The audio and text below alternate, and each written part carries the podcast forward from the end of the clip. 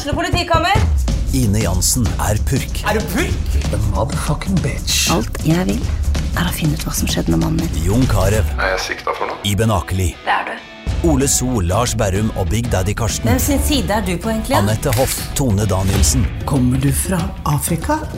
Jørnis Josef, Nesten. Kløfta. Trond Espen Seim, Det er synd å si det, men det var feil mann som døde.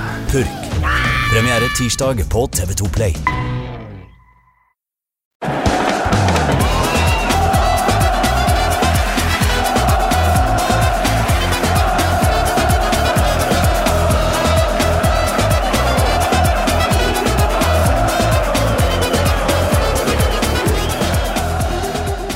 Velkommen til sommeravslutning, altså den siste episoden i den sjette sesongen av Pyro og Pivo.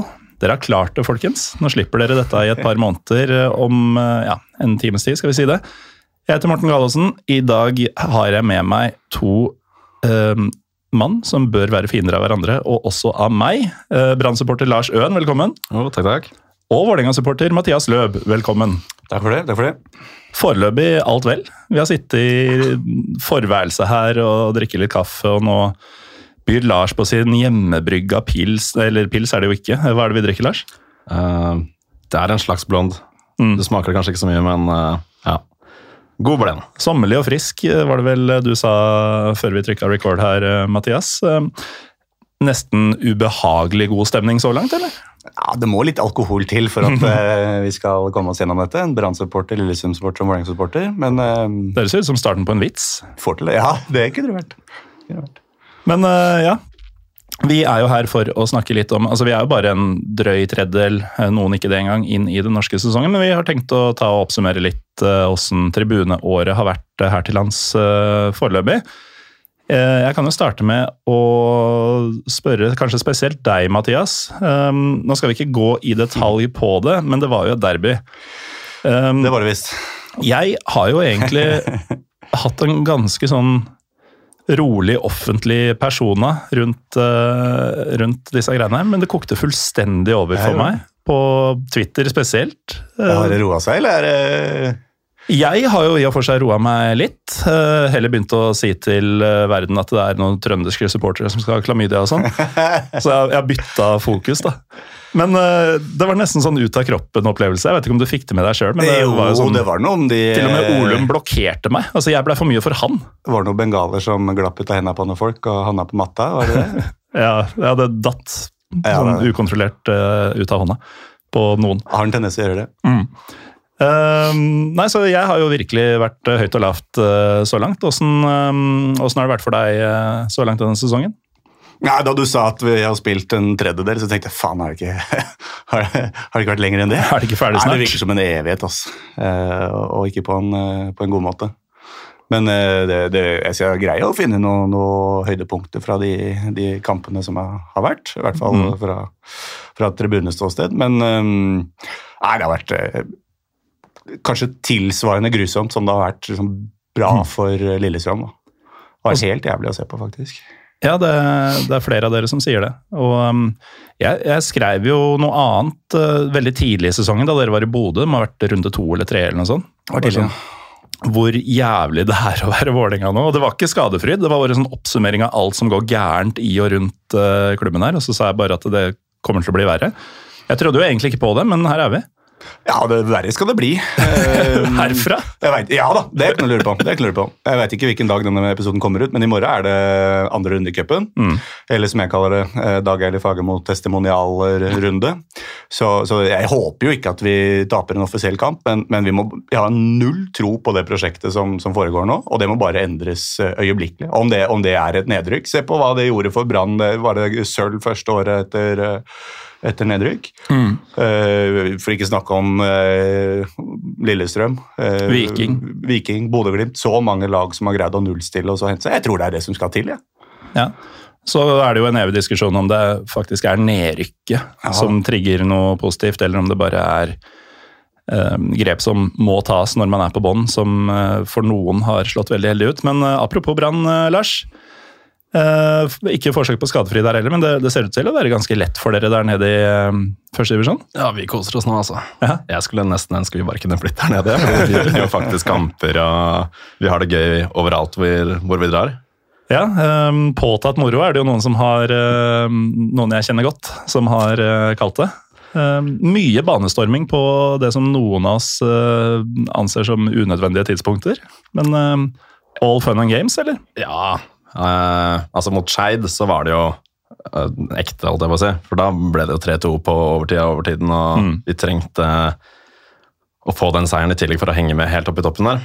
Eh, men ellers så jeg tror ikke sånn 2-1 mot eh, Kongsvinger er sånn kjempegøy.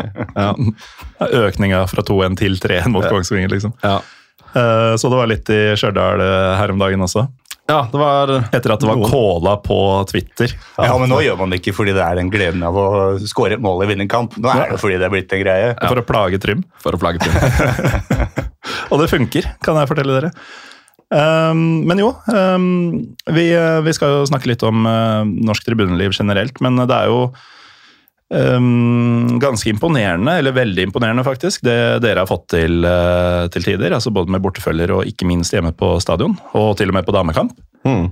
Um, hvorfor er uh, det, det har vært snakk om i en tidligere episode også at uh, ting funker annerledes i Bergen enn alle andre steder. Men hvorfor går dere mann av huset for det, for det her?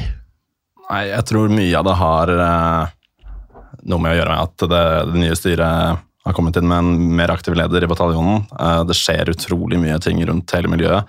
Mm. Ikke bare bataljonen, men innad i BGG eller i nye grupper som blir oppretta f.eks. på Østlandet, Diaspora, Bergensis. Det er mye kok, eh, og kok og kok. Ja, det er kokende idioter-greiene. Det er jo et uh, det er, det er noe som er menneskeskapt, virker det som. At man bare bestemte seg i vinter for at nå skal vi lage så jævlig mye styr rundt dette her at det nesten ikke er morsomt for noen.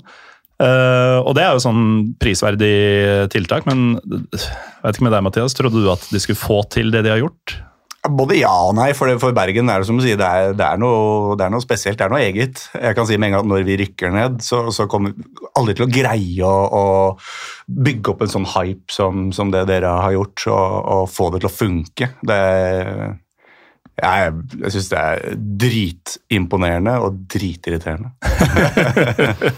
Ja, bare det med parturkort, for eksempel, er jo ja, I april, før første serierunde, så hadde vi flere parturkort solgt enn da vi var oppe. Mm. Uh, og det er jo Jeg hadde det nye styret og folk som er litt sånn på ballen, rett og slett, som har gjort at det blir litt ekstra hype og kok. da.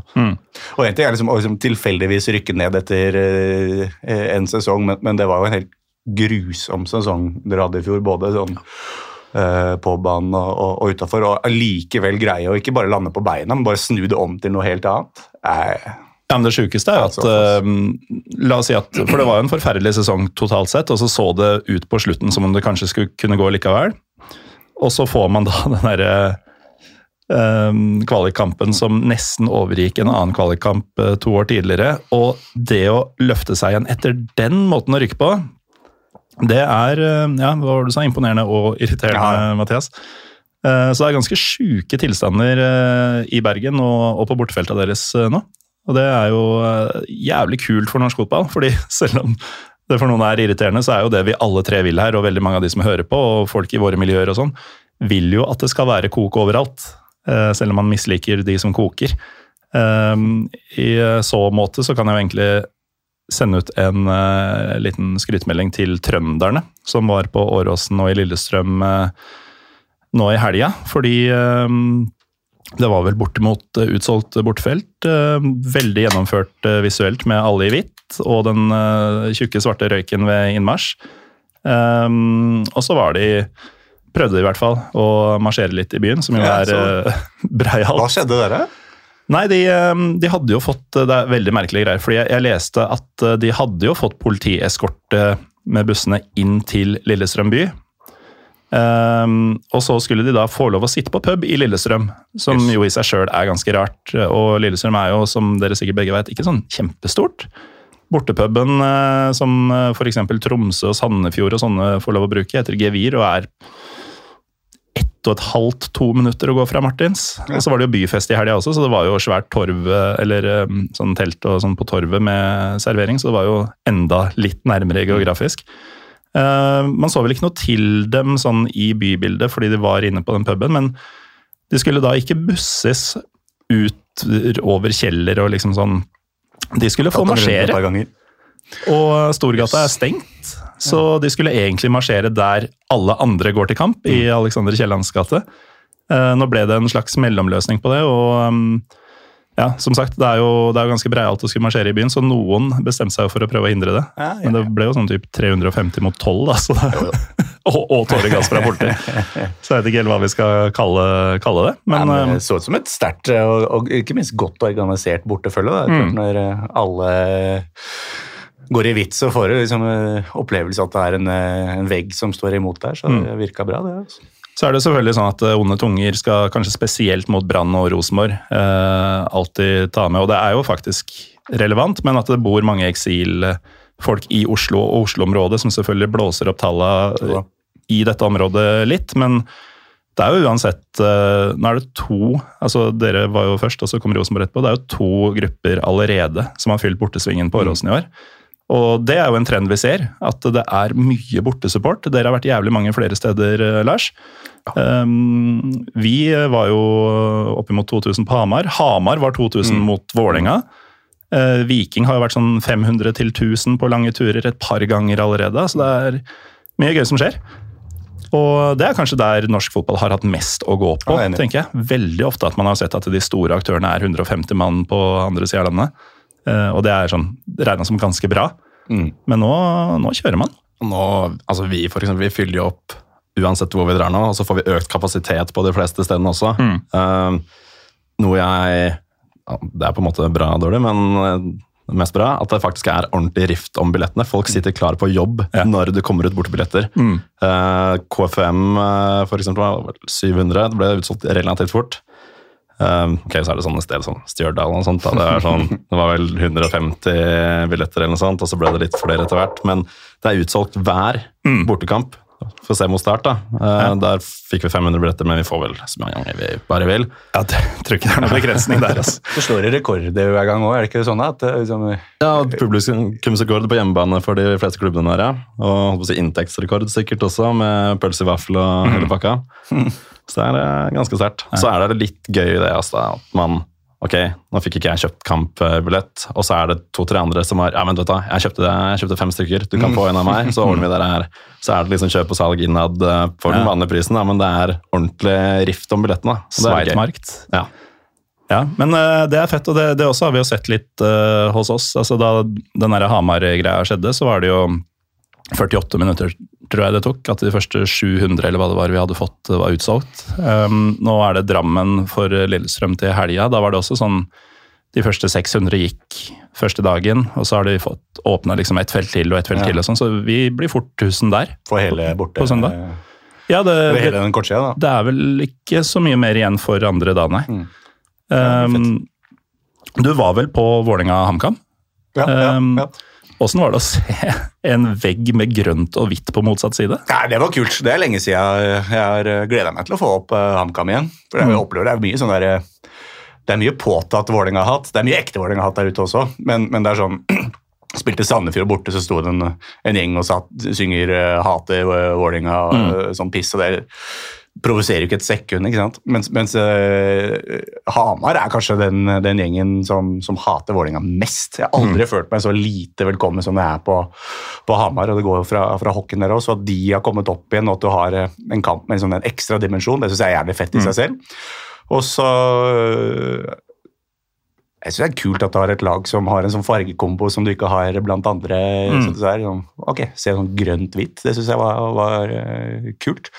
Uh, Bortefølge i seg selv syns jeg var øh, bra i, i antall, men øh, litt skuffa over uh, lydnivået og trøkket. Det var et par Mm. topper der som, som var ordentlig, ordentlig bra, men ellers så, så har vi hatt øh, sterkere bortefølger der i år. Jeg har si- ja. Tromsø hjemme hos oss. Med et sånt pyroshow som jeg bare Hvor i helvete kom det fra? I Oslo? I Oslo! Trøkket i, i 90 minutter var, eh, var eh, på en måte som Tromsø pleier å være. Men plutselig så drar de av en eh, Hva er tosifra enheter, kanskje opp mot eh, 20. Så eh, det var liksom en stor overraskelse som var liksom kulere opplevelse enn å se 2000 eh, hamaringer, da, som i seg selv var dritfett. Så mange kule opplevelser. Det var vel noen på Twitter som også nevnte det at uh, Forestad Tromsø hadde fått en ganske god rekruttering også. Så Ja. det kan hende at uh, Vi er opplevde det, av, det kom fra liksom flere steder på bortefeltet der òg. Jeg tror det var, eh, det var sikkert koordinert med, med vanlige fans i anførselstegn også. Det var veldig kult. Og det er jo en viktig del av det å fyre, som, eh, som Lillestrøm har vært dårlig på. At det har liksom, liksom blitt sånn klumper med veldig konsentrert fyring, Ja. der det står en gjeng som er trygge på hverandre og sånn. Eh, Men det å faktisk stelle seg opp litt sånn strategisk for at det skal se mer massivt ut, da. Mm. Det er jo ikke, det, det er også noe som liksom kommer mer og mer nå, syns jeg. At uh, Ja. folk begynner å lære seg. Det er et av mine høydepunkter hva gjelder liksom, tribuneåret i år. Da. Eh, Jeg har jo snakka mye om, om pyro eh, i denne podkasten, naturlig nok. Mm. Eh, Så det trenger ikke å gå nærmere inn på akkurat den pyrodebatten, men at det er blitt mye mer normalisert i den grad at det er eh, helt tilfeldige folk som plutselig har Mm. med seg bluss og drar deg, av. Og tenkte jøss, hvor i all verden kommer du fra? Ja. Det er jo fett med bluss, da.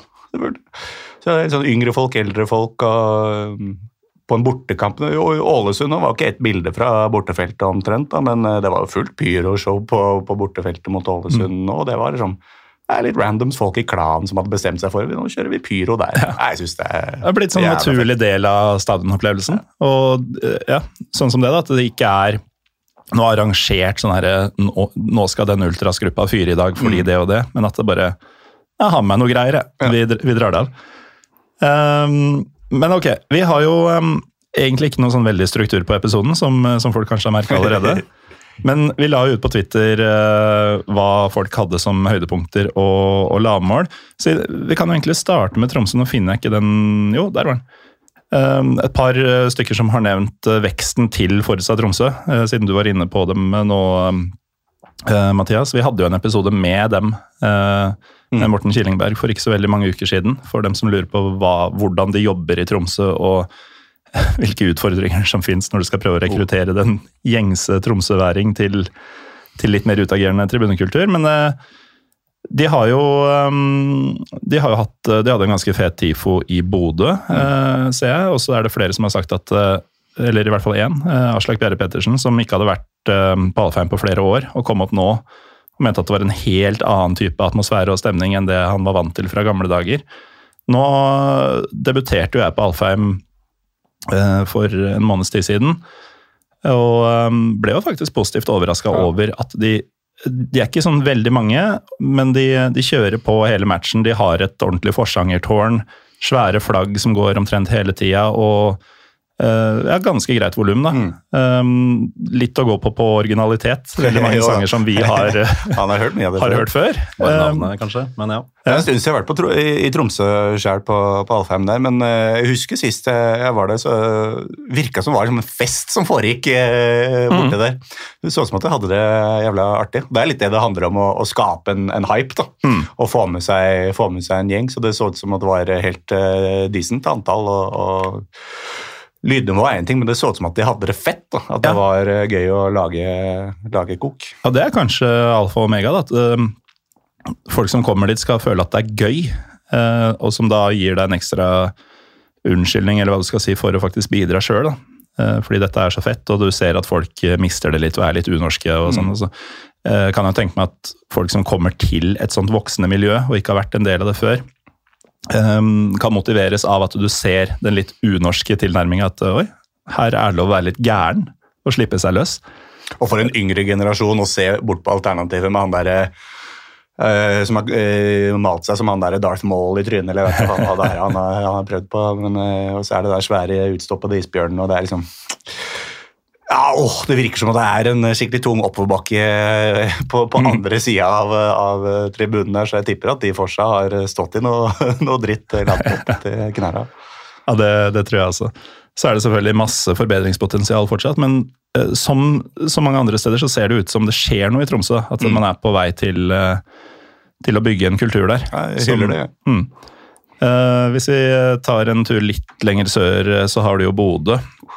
Eh, som jo har hatt noen massive massive oppgjør oppmøter i Europa. Som jo selvfølgelig er imponerende. Eh, og så kan man jo spørre seg litt sånn hvor mye av det går av seg sjøl. Men det er klart når det blir jævlig mange turer, så er det jo vanskeligere og vanskeligere å få med seg. Altså, du skal ha råd til det, du skal kunne si til sjefen at jeg blir borte onsdag til fredag denne uka også. Jo da. Eh, Men spiller du semifinale på Stadio Olympico mot Roma, da drar du hvis uh, bikkja til naboen er fra Bodø, liksom. Da Ja, ja. finner du på en grunn. Det er klart, og sjefen din skal også dit. Ja, så, kona og alt. Eh, Så den er jo selvfølgelig spesiell. Men det har også vært mange i Nederland, det har vært mange i Skottland, det har vært mange mm, ja, Ikke så mange i Ukraina, for så vidt. Men um, de har jo generelt vært 1500 pluss da, på Mm. det som Rosenborg og Molde ville kalt veldig usexy kamper. Eh, Ja, Celtic er kanskje ikke sånn kjempeusexy. Nei, for Rosenborg er det jo det, fordi de er jo lei av å møte dem. Det er Blitt for mye Celtic på dem. Uh, jævla folk, altså. Eh, men eh, så eh, de, de ble jo samtidig jævlig breiale på Twitter, Bodø-Glimt. Og så har det roa seg veldig både med rart, både på Twitter og med prat om hvor mange de er på bortebane og sånn. Eh, hverdagen har plutselig kommet dit. Til og med litt stille fra det Glimt i Steigen også på Twitter. Ja. Men den Ja. dagen visste vi skulle komme. At den der suksessen ikke den var revet der. Ja, den kom fort, og den kom brått, og den, den kom meget beleilig for, for min del. Uh, og jeg mener de, de tallene som du trekker frem her, er, de er imponerende i seg selv. Det er ikke, det er ikke gitt at man trekker eh, eh, 1500 på bortekamper, midtukeskamper i konferanseligaen, så det, det skal de ha. Men det, for meg blir det fullstendig overskygget av det å stå i fullstendig rett for alle avgjørelser som blir tatt i den klubben. Og det er så mye som er så sinnssykt kontroversielt med tanke på, på, på den tribunekulturen jeg forfekter. Da. Og så, så må de være uenig i det, men jeg syns liksom de øh, føyer seg etter øh, jævlig mye. Ja. Det, Det er klubben og myndighetene som dikterer det meste der, virker det som.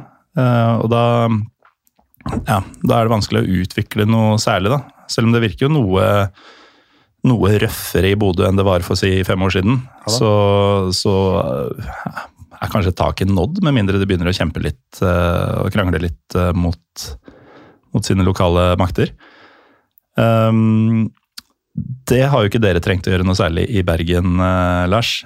Nei. Der, der tas koken godt imot blant klubb og lokalpolitikere og Ja, ja, ja. Ja, til og med i diasporaen så har vi jo stortingsrepresentanter som er med og koker. og det, ja, det er gøy å se, altså. Ja, de koker. Ja, ja, ja. Ordentlig. Mm. Er med på fyretog og hele pakka. Mm. Medbrakt uh, liten flaske i bokseren og sånn. Liten flaske, kanskje.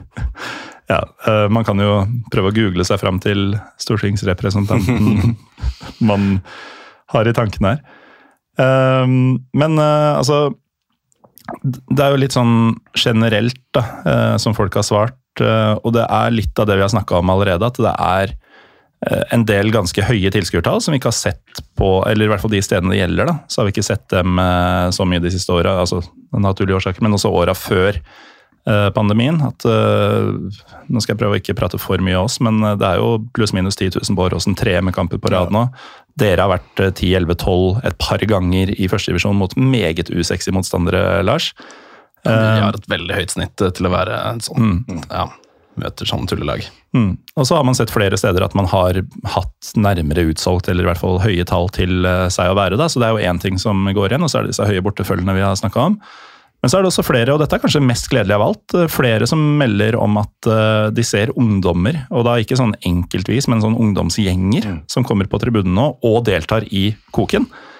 Uh, nå er jo du litt yngre enn i hvert fall meg, og antagelig også Mathias, uh, Lars, men uh, i hvert fall i Vålinga og Lillestrøm og veldig mange andre, så har det vært problematisk at man føler man har mista en generasjon. At um, folk har vært liksom enten 28 eller 38. Hvor faen er uh, 18-åringene? Uh, har det vært i Bergen uh, si de siste fem-ti åra? Jeg kan starte med da jeg ble med da, uh, i 2011, sånn veldig aktivt. Da kom vi en liten generasjon inn. Mm. Hvor de ble av, det vet jeg ikke helt. Det er noen som holder koken fortsatt. Eh, men så, nå særlig etter korona, har det kommet en ekstremt mange. Eh, kanskje de savner et eller annet eh, å bruke tid og penger på? Nei, jeg vet ikke. Eh, men eh, vi ser det i resten av Norge også. Er, I Bergen nei, La oss si at det er 50-100 ungdommer, ikke nødvendigvis inn i de store grupperingene, eller sånt, men at de er der på feltet og bidrar. Men når vi ser på Twitter og sånt også, så ser vi ja, kommer i Viking, til og med Skien, uh, overalt. Virker som at det popper opp uh, en god del ungdommer. Mm. Det er deilig å se. Ja, for ja, nå er vi vel um, Som oftest når du er med, Mathias, så er det ikke bare du og jeg, men også den tredje. uh, litt uavhengig av hvem det er. Alle er jo lærere på et eller annet vis. Du er jo det, du også, Lars. Så det er kanskje ekstra kult for sånne som oss da, å se at ungdommen kommer og tar del i noe vi veit kan være jævlig kult, og, og berikende også for, for livet. Det er jo f.eks. en her som skriver at i år, han er 15, da, Mm. Så har veldig mange av klassekameratene stått fast på feltet, og de fleste for første gang. Og så følger han opp med at for en del av disse så er dette alternativet til Nå må vi huske, altså vi forfekter mye alkohol i, i denne podcasten her, men dette er da 15-åringer. Eh, og dette er da alternativet til festing og sånn. At de dropper det og heller drar på kamp. eh, og får på en måte utløp for eh, ja, ungdommelig iver og sånn der, da. Eh, og det er jo helt uh, nydelig. Mm. Altså, så får de heller komme på puben om et par år, men uh, skal, du, skal du liksom Dersom du er far til en 15-åring, da, eller mor, eller tante, eller bekjent, og den skal enten dra på fotballkamper på søndager eller gå på blodfylla på fredager. Ja. Tror de aller fleste velger det første alternativet. Ja, altså, dra på fotball det er ikke noe, det er ikke noe speiderleir. eh, Nei, det er ikke nødvendigvis et akkurat, men, sunt- men jeg er helt enig i, i det perspektivet. En, en, det skjer, det skjer eh, måte mer uoversiktlige ting på hjemme alene-fester enn det det gjør på en eh, Mm. tribune eller på en pub eller på en, på en busstur. Og, um, Helt enig i at det at ungdommen virker å være tilbake igjen og i, i store antall, og, Mm. og sånn, er jævlig bra. Det er sjukt etterlengta, veldig positivt, og, og, og virker sånn genuint opptatt av Det det, det, det som sånn skjer òg, da. Det er, Mm. ikke, det er ikke bare for å se og bli sett. Det er, virker å være mye lidenskap eh, bak, eh, bak det også. Mm. Så jeg opplever det å, å komme på, på samlinger enten før hjemme- eller bortekamper, og Jeg kan ikke navnet på halvparten av de som er der engang, for det er, eh, og det er eh, som du også sier, Lars, det er, det er ikke bare den ene karen som har forvilla seg bort, det er sånn ungdomsgjenger, da. Mm. Så det er, eh, så det er Ja, litt og- moro. Du var jo supporterkoordinator i flere år, Mathias, og du, du kjenner jo tross alt store, store deler av miljøet. Så når du sier det, så er det jo et veldig klart tegn på at vi er inne på noe her, da. Ja, da. Ja, så er det, jeg tenkt på at det er et litt sånn ja, økonomipoeng inni her også. Uh, bruke penger på fylla hver helg, eller kjøpe et par turkort for 500 kroner på Brann stadion. Mm. Det er ganske grei deal, det. Det er jo det. Um, og for eventuelle nye lyttere, så når du sier uh, partokort, så er det det resten av landet kaller sesongkort. Ja, stemmer. Um, er bergenser, altså. Uh, du trenger ikke være bergenser engang, tydeligvis, for å være bergenser. Um, men uh, jo, flere steder så virker det mer eller mindre tilfeldig at ungdommene kommer. Jeg tror ikke min klubb har gjort noe spesielt uh, retta inn mot dem. Men i Kristiansand så um, er det noen som faktisk peker på uh, noe spesifikt som årsak til at de nå uh, befinner seg på supportertribunen, i hvert fall. Uh, har kanskje vært på kamper tidligere, men uh, og nå har jeg forhørt meg litt rundt for å høre hvordan i all verden dette uttales, men jeg tror jeg er inne på noe hvis jeg sier Lonsia. Uh, som virker å være en um, sørlandsk uh, versjon av det de har gjort i Stavanger, med Felt Mm. O. Altså skape en paraply eh, organisasjon nærmest for alle supporterne, eh, som gjør at du er velkommen uavhengig om du definerer deg som Tigerberg eller Ultras eller, eller ingen av delene. At, at menigheten ikke appellerer til ungdom, det kan jeg også forstå. Ja, fordi eh, altså, det er en som heter Kjell, Kjellmelands armé, som uh, sier at han ofte satt med kompisene på langsida, men nå står de da på Lon-sida uh, og kan være 50 stykker fra kun 05-årgangen. Eh, og så kommer det stadig flere til, og så er det en annen som sier at eh, han bekrefter det, og har nå hjemmekampene nå hatt 15-20 kompiser i 17-årsalderen med seg, og de står på, på Lom-sida. Og mm. nå må jeg bare scrolle litt her, og får da jo svaret at eh, De to mest sentrale grupperingene sto jo spredt tidligere.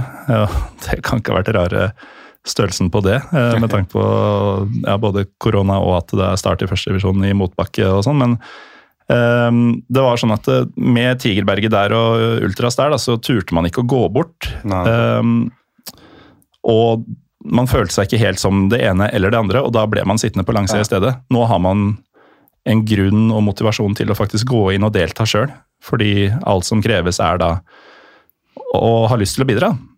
Um, så det virker som en genistrekk. og Absolutt. Christian Holum, Stabæk-supporter, var på bortekamp der nå i helga og sier at det trøkket Start leverte, var uh, overraskende bra. Kult. Så, så det skjer ting der også.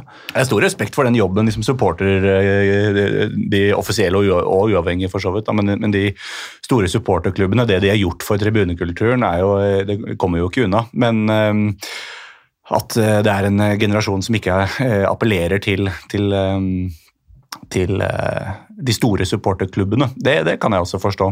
Og da prøve å, å skape disse felt O og Jeg tør ikke å prøve å uttale meg på den startvarianten engang. Men, men eh, noe som er ikke reindyrka ultras og ikke reindyrka supporterkultur, det tror jeg er viktig. og Det, det virker som at det, det er blitt kult igjen da, å, å følge norsk fotball. Uh, og det, det er få som gjør det for å se eh, høykvalitetsidrett. Det, det er det ikke.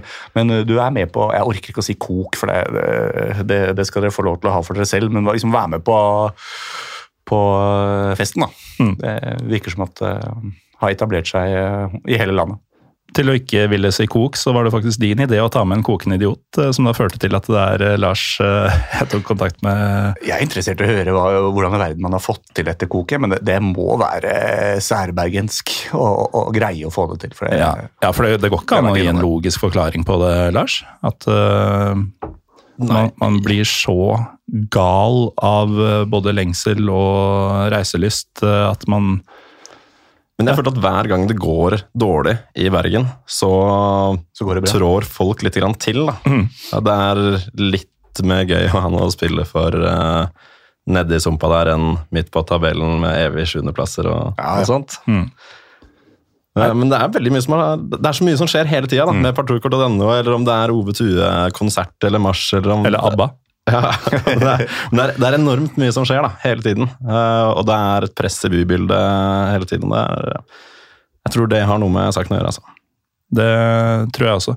Jeg føler nesten at vi må ta en ny runde på, på Rosenborg, for jeg nevnte jo spesifikt uh, Åråsen-oppmøtet deres, men de har jo skrytt veldig sjøl av bortefølgene sine i, eh, så langt i sesongen. og det skal de ha. De, det har vært mange trøndere på reisefot eh, denne sesongen. Og eh, nå ligger de vel på åttendeplass eller noe sånt. Det er jo det de definerer som motgang. Eh, og det Kommer vel noen T-skjorter og noen greier snart, tror jeg. ja. ja, men altså, de, Flere har snakka om det både før og under og etter kampen mot Rosenborg nå sist, at et Kjetil Rekdal-leda Rosenborg er jo ikke Rosenborg. Altså, det, er- det er ikke noe Rosenborg-identitet. Ok, det er mange trøndere på banen, men eh, de går rundt og surrer i 3-5-2 og stram defensiv tilnærming. og altså, det, er, det er veldig lite godfot over det. Så når du får litt sånn eh, nesten identitetskrise, eh, ironisk nok med tanke på spillematerialet, og det de anser som dårlige resultater, og har egentlig stanga litt i motbakke i flere år nå, så det er godt gjort for, det, for, det, for dem også, å hente fram motivasjonen til å dra rundt og herje som denne Jo, men De blir kvitt litt av den der eh, veldig medgangssupportermassen, og samtidig beholdt et enormt uh, høyt antall. da, fordi Mm. de er fortsatt mange. Uh, så Det var ikke det største bortefølget de hadde på, på Valle nå sist, men, men det er nok det mest liksom, koordinerte, samkjørte bortefeltet de har. Liksom, når det klappes, så klapper alle. Når det hoppes, så hopper alle. og Det gjør at det oppleves mer massivt enn noen av de større bortefølgene de har hatt før. Så um, for all del, de, de har fått til noe, noe jævla bra over, over de um, bortefølgene deres. Men altså, det er vel ingen av oss som har noen sånn veldig logisk forklaring på hvorfor det er eh, såpass positive trender såpass mange steder eh, nå. Men eh, har vi troa og håpet på at det, det er et tre som er, vokser her? At det fortsetter? Det virker som det med tanke på at det er mange unge som kommer. Mm. Um, Men vi får se om vi ja, om vi klarer å opprettholde det trøkket. da. Det Mm. har vel sikkert noe også å si om de store publikumslagene faktisk klarer å levere. Ja. At kanskje Kristiansund, som vi snakket om, går ned. Eh, Jeg trenger ikke Sandefjord der oppe heller. Altså. Nei, så Hvis Kristiansund og Sandefjord bytter plass med, med Brann og Fredrikstad, for Ja, takk. så Ja, blir- takk. jeg blir ikke lei meg. Ja. Uh, verken på egne eller norsk fotballs eh, vegne. Jeg vil ikke friskmelde det fullstendig, men at det er en tendens her som, som jeg tror vi kommer til å se lenge, det, det, det tror jeg. Og det er så jævlig viktig, som vi sier, at de publikumslagene gjør det bra. Eh, Det er jo helt grusomt å se hvor bra det går med Lillestrøm, da.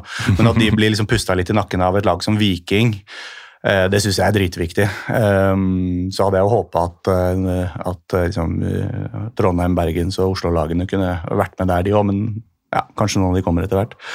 Men at det ikke er Bodø-Glimt som, som er der eh, igjen i år, for å, for å liksom få med oss det. Hva er det, tre ganger 10 000 på, på Åråsen nå? Det er dritbra at uh, Stavanger stadion um, har mye folk. Det er så sjukt viktig. Og- Så en video der hvor det så ut som alle tribunene, altså ikke alle menneskene på alle tribunene, men alle tribunene var med å hoppe. Eh, ligger i den tråden, uh, tråden her. Eh, det er også ganske ustavangersk. Ja. Sånn, jeg husker jo dem som en veldig pinlig gjeng bak det ene målet. Jeg Veit at dette begynner å bli noen år siden, slapp helt av folk. Eh, som prøvde å dra i gang nå. Jævlig høy skåringsmusikk som varte altfor lenge. Og et eh, sittende publikum som eh, bokstavelig talt var et sittende publikum. eh, slang litt ukvemsord og peip litt når det gikk dårlig, eh, og ellers var det det. Så ser jeg at uh, si en 8000-9000 uh, driver og hopper i takt med Feltos-sangen der. Det, jeg skjønner at de syns det er magisk. Viking er et eh, publikumslag, det er Mm. ikke noe å lure på. Ja, Det har de alltid vært. altså De har alltid trekket mye folk, men de har ikke trekket folk som er interessert i å åpne kjeften eller uh, gjøre noe ut av seg. Ja, De hadde en ganske dårlig periode da de rykka ned. da. da var det Mm. kanskje ti syngende supportere en god stund. Det var ikke bare på noe, et par kamper, det var, Mm. virka som et par sesonger omtrent. Mm. Men nå, ja, vi får se hvor lenge det holder ut. da. Ja, så nå har de hatt, um, hatt god vekst uh, i, i tre år i hvert fall. Um, selv med en pandemi som kom i veien for den største hypen uh, deres. Eller fire år blir det faktisk, uh, da de var nede. Um, så, men uansett, de har jo hatt sin egen episode, de også relativt nylig. Det var vel i vinter en gang. At de fortalte litt om uh, hva Felt O er, og hvorfor de ikke la ned etter å ha mista banneret sitt uh, hos dere i fjor, uh, Lars. Blant annet. Um, men også åssen de jobber og åssen det har vært å være med på den eh, ja, hypen, er vel riktig ord akkurat i, i Vikings tilfelle. Men eh, hvis vi skal se litt bort fra både oss sjøl og det vi har snakka om nå, da. eh, det har jo vært, eh, vært litt sånn enkelthendelser, altså TIFOR og hva det nå skulle være. Eh, noe dere husker spesielt godt eh, fra andre lag eh, Ja. så langt i sesongen? Enten positivt eller negativt? Jeg har Mathias? negativ med en gang. Ja. Ja, vi tar den. Ja, det er uh, cupfinalen. Ja. Hva var det for noe? Først så kom Tifoen til Bodø uh, på sida. Ja, det var og så som var fikk den- Ja, ja, og så fikk den riktig vei. Og så, så splitta han seg opp etter det igjen. Og Molde de hadde et storflagg som Tifo, og det var det. Mm. Det var lavmålet denne sesongen. Ja, Ferdig snakka. Det blir nok stående også. Ja. Og det er jo sjukt at man kan si det om en kamp som det vel endte med å være 18 000-19 000 på. Eh, som selvfølgelig ikke er bra for en cupfinale, men som er et bra tall for en norsk fotballkamp. Uh, men det er altså det tribunemessige lavmålet i 2022. Imponerende dårlig òg. Altså, jeg hadde sjukt lave forventninger i utgangspunktet, mm. men eh, wow. Det, er, ja, det var skikkelig ræv. Er det, går det an å si at de undergikk forventningene? Altså Når man ikke klarer å gi bort uh, gratisbilletter til cupfinalen, og folk Mm. vil ha det da ja. Nei, det var noen brutale fødsler på, på hele det cupfinaleopplegget der. Altså. Men mitt tribunehøydepunkt det kom i forrige serierunde. Eh, altså den som var akkurat nå? Ja, Mhm. helt riktig. På Kristiansund stadion. Og det er Da var det disse to eh, Ja. venninnene, hvor eh, hun Ja, ene var ja, sånn ja, ja. gruvearbeider og, og gravde ut eh, monsterbuser. Har dere sett den videoen, eller? Jeg har sett det, og det er jo to Kan vi ting som er, analysere det litt, eller? det er to ting her som er helt utrolig. Eh, Det ene er at kameraet er på akkurat de to på akkurat den tida. Eh, Det andre er at eh, Eller det er egentlig tre ting, da. Det, det, er, det er ganske mye, faktisk. Ja, det er- det er ganske mye. Det er ganske mye, For jeg så litt på det før, før jeg kom hit. Jeg har det her nå. Ja. Altså, punkt nummer to er jo at hun ene oppdager en buse i nesa på venninna si. Um, Og i stedet for å si du burde gå og snyte deg, Mm. Så bare Unnskyld, la meg bare ta denne. Ja, ja. Og, så, og, så det, inn, ja, så er det vanskelig å få den ut, tydeligvis. For det graves jo en stund. Og så er det jo da det tredje er at venninna lar det skje. Og det fjerde, som er mitt høydepunkt, da, det er måten de beundrer dette, denne gullklumpen av en buse de har dratt ut. Jeg, jeg, kan eh, fint innrømme på podkast at eh, det hender jeg graver litt, jeg òg. Og så Ja. får du en eh, storfisk, så må du jo betrakte den. da. Men at du gjør det på en måte i din, din venninnes nærvær og attpåtil på, på, på live TV, er jo bare helt fantastisk. Også når dette her det er en eller annen dude, eh, Arnt Nordkiel, at Nordkiel på Twitter, har lagt ut dette til 728 likes, og det er jo virkelig eksplodert. Hvorpå han skriver 'blant tidenes mest uheldige åtte seconds of fame'. Og i liksom dagens uh, selvhøytidelighet med alle filtre som florerer på Snapchat, og alt skal være så jævlig perfekt, så har jo hun en av disse to oppdaga det her, selvfølgelig. Hvorpå hun bare Hun eier det fullstendig. Eh, nå finner jeg ikke hva hun skriver, men det er sånn et eller annet om hvor god venninne er ikke hvis du er villig til å Ja, ja. bare stupe rett ut i nesegrevet på, på venninna di for å grave ut en buse. Nei, det må dere se, ass. Fantastisk. Ja, nei, det er en Nydelig video. Så mitt høydepunkt det kommer fra, fra det laget som vi ønsker oss eh, langt bort, bort, bort. Ja. Kristiansund stadion. Og det er, det er sånn genuint sånn her, Jeg håper bare de rykker ned. Ikke, ikke noe sånn hatforhold eh, til dem eller noe. Totalt likegyldig egentlig til Kristiansund. Jeg er bare drittlei. Ja. De, de forsvarer ikke en plass i Eliteserien lenger. Um, høydepunkt, eh, Lars? Har du noe, noe annet enn nesegraving? Det, det er jo lov å si sine egne greier, men gjerne, gjerne litt ros til andre også. Ja, altså Tingen med å være nede i Obos eh, der, og for meg som bor på Østlandet, så er det sånn at eh, jeg drar jo forhåpentligvis på kamp, da. Eh, og så, når de andre spiller, så er jeg på vei tilbake igjen. På tog eller nattog eller fly eller kjøre bil eller sykle eller hva det er. Så jeg får ikke med meg like mye som andre gjerne gjør. Jeg får med det som er på Twitter. Ja. Men, uh, Det er jo en del på Twitter, da. ja, ja det, det, mye fine videoer. Mm. Men ja, luringen ville det at, at jeg skulle nevne et annet lavmål. da. Det var jo Ja, det er lov, det òg. Ja, Uh, det er jo meg selv. Jeg har jeg satte meg mål om at jeg skulle være på alle kampene før eh, sommerferien, unntatt 16. mai. Da kommer det så mange uansett, så de trenger ikke meg der, da. Mm. Uh, Ål, nei, Ålesund, sier jeg. Uh, Åsane er hjemme. Kampen blir flytta. Jeg har sagt ja til ekstrajobb i psykiatrien, så jeg får ikke dratt på den sammen med min tyske leivor. Mm. Så det var én som gikk bort, og så nå var det noe i helga. Det var ølfestival. Det ble 22 nye øl, da, så det er jo bra. Men eh, jeg la telefonen inn på terrassen med alarmen til flyet som skulle gå klokka åtte. Mm. Så da forsov jeg meg eh, dit også. Til uh, flyet. Ølfestival og tidlig flyavgang, det, det var ikke er ikke sånn hånd i hanske. Nei, jeg kom meg hjem i sånn halvveis uh, folkelig tid, da, så det burde gått fint. Men uh, ja, ha kanskje en vekkerklokke. Det er Mm. no til meg selv. Så du gikk rett og slett glipp av eh, match? Ja, og den stadion får jeg vel aldri igjen. Mus eh, Arena, eller hva de kaller det. Arena, ja. De solgte pølse i vaffel, det, det er bra. Men Mm. ellers så, ja. Nei. Um, da slapp du å være med på sånn påtatt uh, banestorming ja det var Med- et par der også. med Beck og dem. Uh, men uh, Jeg syns noen høydepunkter, da. Uh, Det har vært det skiftet fra så jævlig mye fokus på, på konstant pyring. da. At det, at det er, som bluss skal, skal være et sånt hovedpoeng. Over på det å gjøre bra koreografier. da. ja. Jeg syns det har vært litt lite av det tidligere. Så jeg har sett både på, på Lerkendal og på, på Åråsen og på Brann stadion at det har vært eh, liksom store displays, kule mønstre, altså god liksom, grafikk òg. Man har liksom ofte det er lov, lovprisa han ene fyren som er kreativ og kan gjøre ting litt bra, og, og, og en del lag som liksom ikke har hatt de kreative typene. Virker som at uh, folk har gjort mer flid i TIFO. da. Det, det syns jeg er kult, selv om jeg vet at det tærer noe jævlig på det, de, de få folka som gjør en god jobb der. Men, men uh, det må jeg si, det har tatt seg opp. Ja, norsk fotballs uh, usugne helter er jo de som driver og maler og klipper Ja, og syr og fy faen så mye jobb der. Ja, Jeg skulle til å si uh, skryte litt av Vålerenga, faktisk. Ja, med det nye TIFO-penget. Ja, Ja. jeg blir med, faktisk. ja, det var en, eh, en veldig fin en der. eh, Eller jeg har hatt et par eh, ganske fine. Men det med det Oslo Byskjoldet og sånt, og den, det med det old school fotballen med, med blått, det var, det var flott, altså. Mm. Ja, og jeg er jo, eh, som mange vet, veldig glad i tysk fotball. Og Union Berlin har jo lignende type Mm. opplegg. Og jeg har jo sett i årevis hva slags potensial man kan ha for eh, altså såkalte 3D-tifoer. Mm.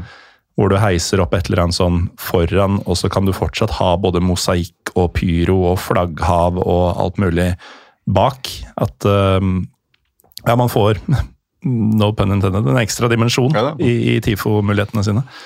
Eh, vel verdt investeringa der, vil jeg tro, Mathias. Ja, absolutt. Nå husker jeg ikke hva liksom, sluttregninga ble på, men vi jobba jo lenge med det opphenget. Eh, først var liksom tanken bare å, sette opp noen enkle trinser og, og gjøre det på den hei hå-metoden, hvor du heiser opp. Men ønsket var å, å, å kunne ha liksom, fullskala OH som dekker hele kortsiden, som heises opp, og da må du ha mer enn fem drita mann som eh, som drar i taua samtidig, så, så vi, vi skjønte tidlig at vi ønsket å ha det liksom full um, sånn helmekanisert elektrisk, eh, slik at vi kan gjøre det i, i stor, stor skala. Da. Problemet nå er at det tar åtte minutter å heise opp og heise ned. ja, det tar det dritlang tid. Går så jævlig sakte. Så det er jo sånn Går ikke an å legge inn noe turbo eller noe sånt der? Nei, jeg har ikke oppdaga noe turboknapp eh, enda, men det er sånn du må begynne i oppvarminga for å kunne treffe på innmarsj. Og når du skal heise ned, så det potensielt så ligger det under 2-0 før tifoen er, er nede. Så det er jo den store haka ved det. Men, men det er jo det er en bom på hele med, med, med netting og, og en nøkkel som styrer hele, så det er et, eh, det er et massivt Som gymsal-variant. Ja. Mm. Motor med vaieropplegg, og nå er ikke jeg noe ingeniør, det hører dere jo, men eh, det er, eh, det er et bra opplegg. Og mm, det ble jo klart i tide til disse mai-kampene våre. da. Mm. Det gjorde at vi følte liksom forpliktelsen til at vi må ha noe 16. mai, vi må ha noe mot, uh, mot Rosenborg, så var det vel en, en kamp før der i tillegg. så eh, vi var fornøyd med, med resultatet, men det har kosta jævlig mye krefter fra de, de få som driver på med det. Mm. Så de, de nøt godt i den landslagspausen. Men eh, altså, du, du har jo helt rett at det har vært en del eller dere har jo helt rett i at det har vært en del kule tifor av den gode, gamle skolen. For det har jo vært litt sånn Nå er det jo tre år eh, snart hvor man har blussa mer eller mindre ukontrollert, og så har jo det vært litt sånn enkel måte å liksom lage en i anførselstegn TIFO på. da, Og bare blusse som faen eller bruke jævlig mye røyk, eller noe sånt, og så er det på en måte det visuelle gaven til klubben ved innmarsj. Eh, Rosenborg gjorde jo for så vidt det nå på Årås, men det funka veldig bra, siden hele tribunen var i hvitt, og så var det bare total svartlegging i de sekundene svart røyk faktisk er svart, før Ja. den blir grå. Um, Skuffa jo lite kasting det var fra Rosenborg-fansen. ja. Det Altfor disiplinerte, de der eh, klamydia-befengte gutta. Um, nei, men altså, vi, um, vi hadde jo ingenting mot Rosenborg. Uh, som jo var kjempeskuffende, men så skal ikke jeg som ikke bidrar sjøl sage det, men det, det var eh, overraskende. Um, men uh, det at eh, den klassiske tifoen virker å være på vei inn igjen da, eh, flere steder, og da med nye varianter, både her og der. Eh, Det er jo et kjempe, eh, kjempebra tegn for det som foregår nå. Det står veldig i stil med det vi har snakka om også, at det virker som det er flere som både går på kamp, men som spesielt vil være med på stemningsdelen um, rundt omkring. Ting kan- henger liksom sammen, og det, det er jo et god indikasjon på åssen framtida vil bli. Det kan jo også være et uh, godt rekrutteringsverktøy, egentlig. At Mm. uh, ja, Istedenfor å dra på den festen, så kommer en liten gjeng på en fredagskveld og bare ja, tar seg en pizza, og så står man og maler og preiker litt. Mm. Mm. Ja, og hvis mange av disse ungdommene er sånn tegning, form og farge, eller hva det heter for tida, så, så er det virkelig bare å rekruttere dem rett inn. Kan jo de bruke det i Det er bra kreativt utløp, det er det. Men uh, nå er det mulig vi skal kjede deg litt, Lars, eh, fordi vi, har- vi har jo Vi kan jo ikke prate om eh, tribuneåret så langt uten å snakke noe om eh, derbyet. Og siden du nevnte Mathias, denne kastinga Faen, altså. Jeg, altså. jeg um, brukte kanskje litt vel krasse ord på Twitter. Um, for mye for Olum uh, også. Men Skal Det- det betyr jo ikke at jeg tar feil. ikke Prise Olum. Nei. Nei, jeg har tenkt mye, mye på det, og jeg har uh, jobba mye med liksom, pyro, pyrokampen. Og jeg skjønner jo at det er, ikke- det er ikke noe det er ikke noe positivt bidrag å bruke pyro som, som kastevåpen. Mot sin egen keeper også. Jo, vi, vi har jobba beinhardt med, med internjustisen i, i supportermiljøene. Eh, selv om det kanskje ikke kommer til syne under, under derby. Men, men ehm, eh, Lillesund-Vålerenga det er et oppgjør som lever sitt eget liv eh, fullstendig. Mm. og eh, jeg forsvarer det ikke på noe som helst eh, måte, men den kampen har fått et sånt internasjonalt snitt at, Ja. at den, den galskapen er rett og slett uhåndterlig fra vår side. Jeg vet at det, det er gjort jævlig mye bra i, i miljøene til Lillestrøm som, som gjør at man greier å unngå de situasjonene, men Enn så lenge, i hvert fall. jeg, jeg har snakket om den situasjonen på, på Valle, eh, og kan gjerne gjøre det igjen, men da eh, han idioten fra skogene planta det flagget eh, på stadion, så bare Det var han som bestemte at dette derby skal nå nye høyder. Det, det valgte han. Han visste jævlig godt hva han holdt på Ja, med. ja, ja. Superkalkulert. Se det grisen, hans. Men, men det han får i retur, er, er eh, en gjeng eh, sinte hovedstadsgutter som er, ønsker å toppe det hvert år. da. Mm. Og hvordan skal du toppe det der 2019-året? Ja, må finne på noe, noe nytt. da. Ja. Og uten å greie å gjøre det på sånn kreativ måte. da. Jeg er keen på å liksom få den der tankegangen om å, om å kjøre derby til nye høyder, men over på en sånn ja, Gjør det gjennom TIFO eller gjør det gjennom uh, noe sånt. da. Så Mm. kan jeg forstå at uh, når når aggresjonsnivået er høyt og tenningsnivået er høyt, så er, liksom, holder liksom ikke det, da. Men ehm, Men apropos nye det er blitt liksom det som skjer på, på Åråsen, det, det, det er jævlig vanskelig å styre. Ja. Det er det. Nei, jeg, jeg, jeg, jeg digger det ikke, men jeg kan på et eller annet fucka vis forstå det. Ja, det, jeg, ser eh, hvor du vil hen. Men uh, uansett, da, jeg um, Dette høres kanskje rart ut, for det var jo fullsatt i fjor høst også, um, og mye pyring og sånn. Riktignok så var det ca. to tredjedeler av hjemmepyroen mm. som plutselig forsvant i forkant av kampen. Men eh, jeg var jo ganske skuffa jeg, over eh, derbyet i november. Eh, Kanskje fordi jeg huska 2019 så godt som et sånn herre Ja, som du sa, åssen topper man 2019-derbyene? Mm. Fordi eh, det som skjedde i Oslo med den flaggplantinga sånn, det var jo tross alt etter matchen. Det hadde vært en bra tribunekamp, Ja, det og sånn det, men eh, bar jo veldig preg av at kampen ble veldig enspora etter hvert. Og så fikk du da den derre 0-0-matchen hvor alt skjedde, og alt var sånn tett oppunder det man kan tro er norsk toppnivå på tribunene. Og så hadde vi venta i to år på å få møte hverandre igjen i fjor. Og det ble litt sånn i eh, for meg. Men den vi hadde nå, det var eh, tilbake til sånn her ligger lista resten av Norge, føler jeg. Jeg hører mange referere til den eh, semifinalen i 2005. Mm. Jeg husker jo den som som, som eh, den eneste gangen jeg virkelig er blitt blåst fullstendig av tribunen. Det var ikke jeg gamle karen i 2005, da, men det var bare Det føltes ut som å, å rope i motvind gjennom, gjennom hele kampen. og liksom Ingen som skjønte helt hvor, hvor faen det kom fra. Eh, Så, så eh, Jeg veit ikke om det var, eh, var der oppe, for eh, det var relativt bra trøkk på bortetribunen. Liksom, Jeg hørte, hørte ikke så mye fra, fra hjemmefansen under kampen. Det skal man ikke gjøre i derby heller. Men det er liksom når jeg ser bort på, nå vet ikke jeg hva den motsatte kortsiden heter da, på, på Ross, men jeg så bort på den, jeg så bort på langsida, som blir så jævlig smitta over det som skjer på, på supporterfeltet, så skjønte jeg at dette er en spesiell, Mm. dette er en spesiell match. Ja, det er jo en video som har gått mer eller mindre viralt fra Det er vår Bård, Bård Finne-video.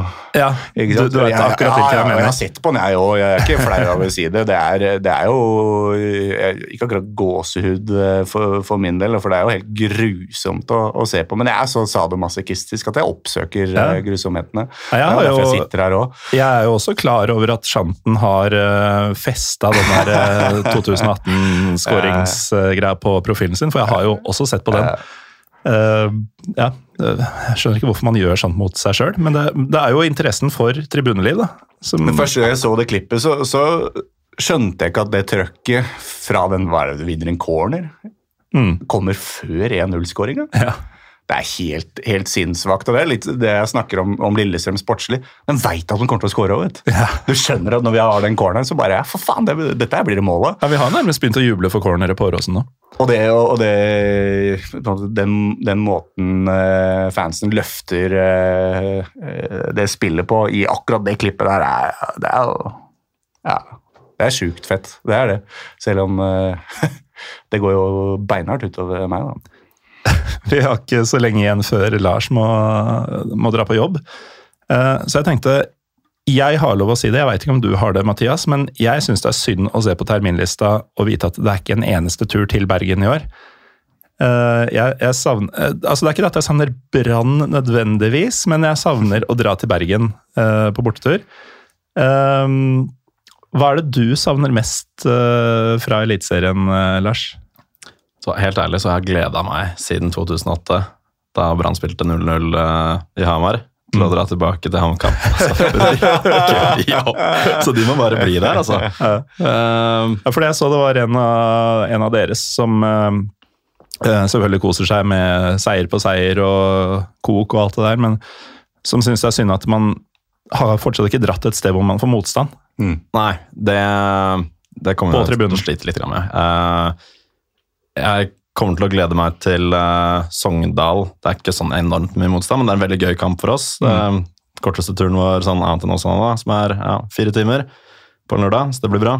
Uh, men Fredrikstad også blir nok en, uh, en ganske bra Ja, tur. Det er den nest er siste kamp, kamp, og det er den siste bortkampen. Så det kommer til å komme enormt mange folk. Ja. Det kommer en kar fra Sheffield, blant annet, til meg. Så, en Brann-supporter fra England. Så det, Ben har med seg vekkerklokke. ja, ja, det skal vi fikse.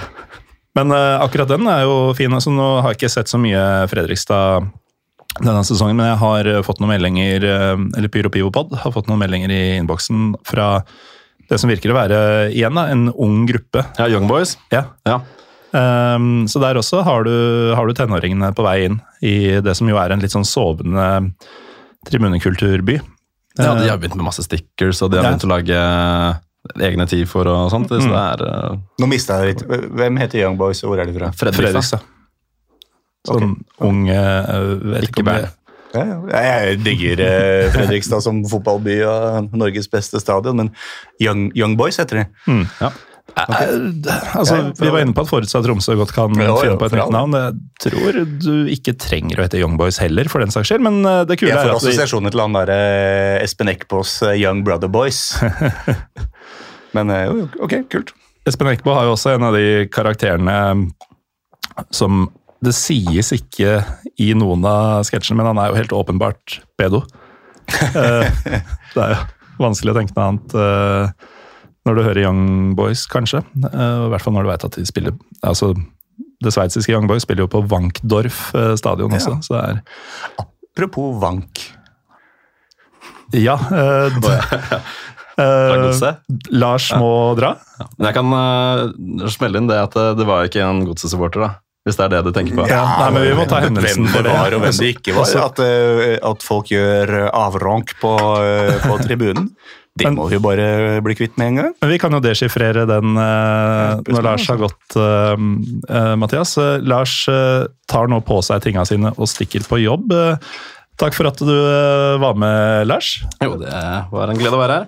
Takk for ølen. Ja, det Ja. også bare hyggelig. Håper det smakte godt. Ja, det, Du fikk jo ikke drikke sjøl, siden du skal på arbeid, men det smakte. Både stouten og blonden var, var gode. Så Jeg gleder meg til tur til Bergen i går, uh, til neste år, men det blir til Åsane og ikke til Brann stadion. du har gitt helt opp, du. Ja, jeg har det fullstendig. Det er, eh, det er, ikke, noe, det er ikke noe å ta med seg i det hele tatt. Men skal det mer til enn at uh, enn at man bytter trener, tenker du? For det er lag, Ja. lag spillemateriellet Ja. og han der eh, milliardærens evne til å hente inn noen folk i sommervinduet og sånn, burde jo burde jo holde. Nei, men, eh, Dag Eile Fagermo er en god trener. Det, det kan man ikke eh, ta fra han. Han veit hva han driver med. Det, det både var og er Ronny Deila også. Men at de to feiler så fundamentalt stort, tyder på at det er noe, det er noe mer bak den enn spillemateriale, spillergruppe, eller det er noe, det er noe som er riv ruskende gærent. Så jeg, jeg mener at eh, vi, vi trenger, å, trenger å begynne på nytt på et eller annet nivå. nivå. Så, ja, det kunne vært en podkastepisode i seg selv. Ikke, at jeg tror noen har lyst til å høre på Høres det nesten ut som du det, men, sitter og eh, ønsker deg en Erik.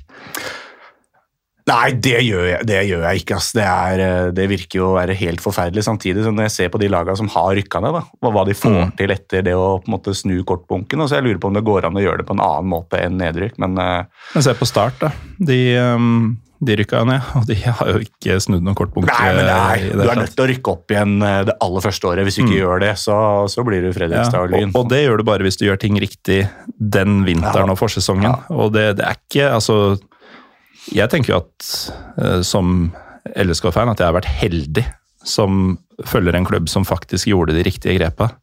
I stedet for sånn som vi ønska, bare sette alle på påler til skrekk og advarsel Ja, ja. rundt bygrensene. Um, men du sa apropos bank. Ja, det er, det er klart når, når, eh, når det kommer artikler om eh, Hva var det første overskriftene var? Godsesupporter eh, arrestert for onanering på tribunen eller et eller annet. sånt. Ja, og da var det sånn Veldig sånn Dette var en godsesupporter, han var på bortefeltet. Mm. Begynte å kose seg med seg sjøl da Sarpsborg leda 2-0 mot laget hans. Det er mye å ta tak i Ja. Veldig mye. Og så har du da Godsunionen var ute med pressemelding, til og Ja, med. jeg så det. Hvor de eh, lente seg på lokale politi i Serp og egen supporterkoordinators kommunikasjon med dem osv. Og så har det jo kommet fram sånn bruddstykker på Først så var det ikke en eh, fyr som godset kjente. Eh, Så viste det seg å ikke være en godset-supporter i det hele tatt, og så viste det seg å ikke være en på deres tribune. Så det er veldig sånn Åssen har dette blitt kokt sammen til at en godset-supporter på bortefeltet onanerte, når det viser seg å være det ja, Enda et drypp som har kommet, er at dette visstnok er en eh, kjent blotter Å, såpass, ja. i, Ja, riktig. i, i eh, Østfold-området. Ja, riktig. Som da har vært på en helt annen tribune, ingen tilknytning til godset. Og da begynte hun å onanere. Det er jo noen Drammensfordommer som er ute og går, kanskje. Man bare Ja, for prøver å jeg legge trodde sammen. umiddelbart Det Ja, var jeg- nesten, nesten litt sånn trekk på skuldra. Sånn, ja, nå er det i gang igjen, på en måte. Jeg har jo eh, erfart det at det som skrives i media om det som skjer på fotballtribuner, skal man ta med en, eh, et- busslast med salt. Mm. Men eh, Drammen er Drammen, da. Du veit aldri. Ja, det er det. Det er merkelig opplegg. Men det, det var da tydeligvis ikke sånn som eh, det virka, da. Nei, så hel- så heldigvis. godset er frikjent for denne gang. For denne gang. Så får vi se om de holder henda unna seg sjøl når, eh, når Lillestrøm kommer på besøk til helga. Men apropos godset, vi har ikke snakka noe særlig om dem. Um, vært litt anonyme denne sesongen til seg å være, eller har jeg, Jeg bare prøvde å ikke fulgt tenke med? gjennom uh, eh, hva jeg har sett av dem. Vi har jo Mm. vært på uh, Marienlyst og presterte å slippe inn tre mål på to minutter omtrent. Ja, som burde tilsi at det ble ganske bra trøkk rundt omkring, men det virker jo ikke som en Jeg så at de hadde en sånn- sånn maisesong som var helt uh, outstanding. Folk Mm. hadde jo uh, tippa dem langt nede, så de har gjort det bra sportslig. 3-0 Men mot Rosenborg. Men jeg, jeg fått jeg, jeg kan ikke uttale meg om hva Nei, som eh, skjer på tribunen der. og det Men, men det er jo en av de klubbene man gjerne får med seg i hvert fall et par Ja. hendelser med, så det eh, er jo enten litt eh, ris på baken til oss som ikke har gjort leksa vår, eller til godset som, som på en måte har gått på autopilot, eh, muligens. Så vi får vel, får vel noen kommentarer på dette fra dem for å sette enten skapet på Mm. plass, eller hvis vi ikke gjør det, så har vi rett i at de har litt å gå på. Um, nå har vi faktisk holdt på en time, Mathias. Eh, Både med og uten eh, Lars. Um, brenner du inne med noen tribunegreier som du har lyst til å si, eller skal vi begynne å runde av? Nei, jeg begynner å nærme meg noe, noe nå. Jeg så i den, den tråden eh, på, på Twitter Det er liksom en, eh, en god oppsummering av, eh, av eh, tribuneåret. Så det var en som nevnte sånn stickerskulturen har tatt seg opp Mm. eh, bra. Du hadde en egen Tilfeldigvis eh, episode Stickers-Jon som eh, ja, tilfeldigvis. Hadde en episode på det, men, men der er det han ene Lyn-supporteren eh, som er igjen i, i byen her. Fy faen, så produktiv han har vært. Altså. Ja, han har stikka ned faen, bra. overalt. Altså. Mm. Det, er, det er sikkert flere enn bare han, altså. Men ehm, de har teppebomba hele, Mm. hele byen.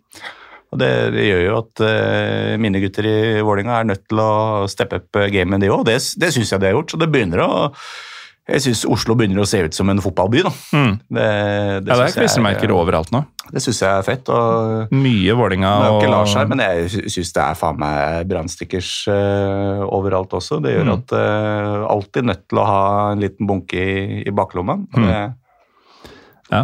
det syns jeg er bra. Men Der er det veldig klasseforskjell på klubber. altså Lyn da, som vel fortsatt holder til i tredjedivisjon, så vidt jeg vet. Eh, de er jo mye bedre enn Lillestrøm, eksempel, på klistremerker. ja. Mm. Eh, der er vi møkk ræva.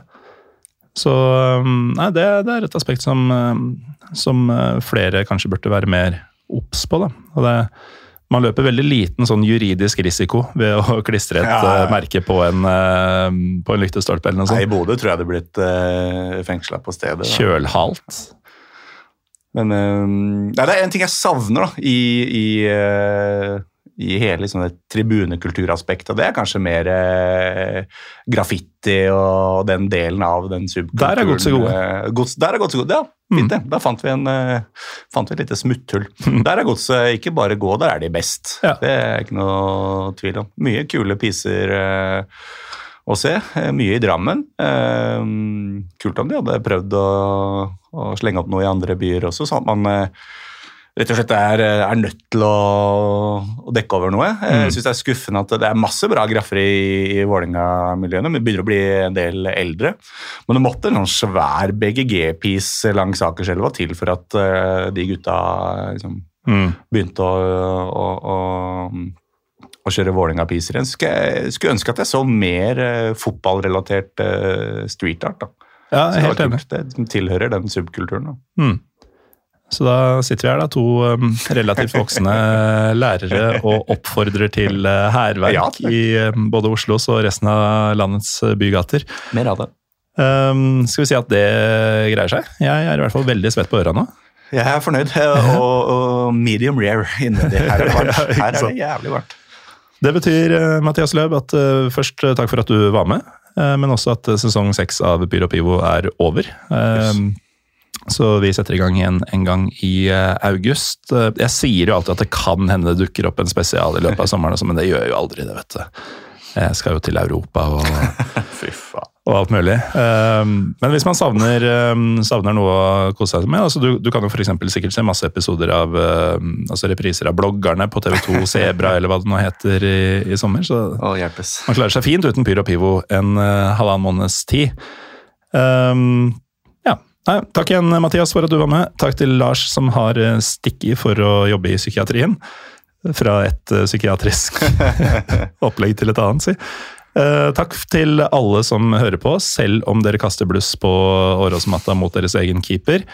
Eh, selv om jeg hater dere, så hater jeg dere ikke så mye som jeg kanskje ga uttrykk for den dagen. Jeg heter Morten Galaasen. Vi er Pyro Pivo på Twitter og Instagram, og vi er tilbake en gang på seinsommeren.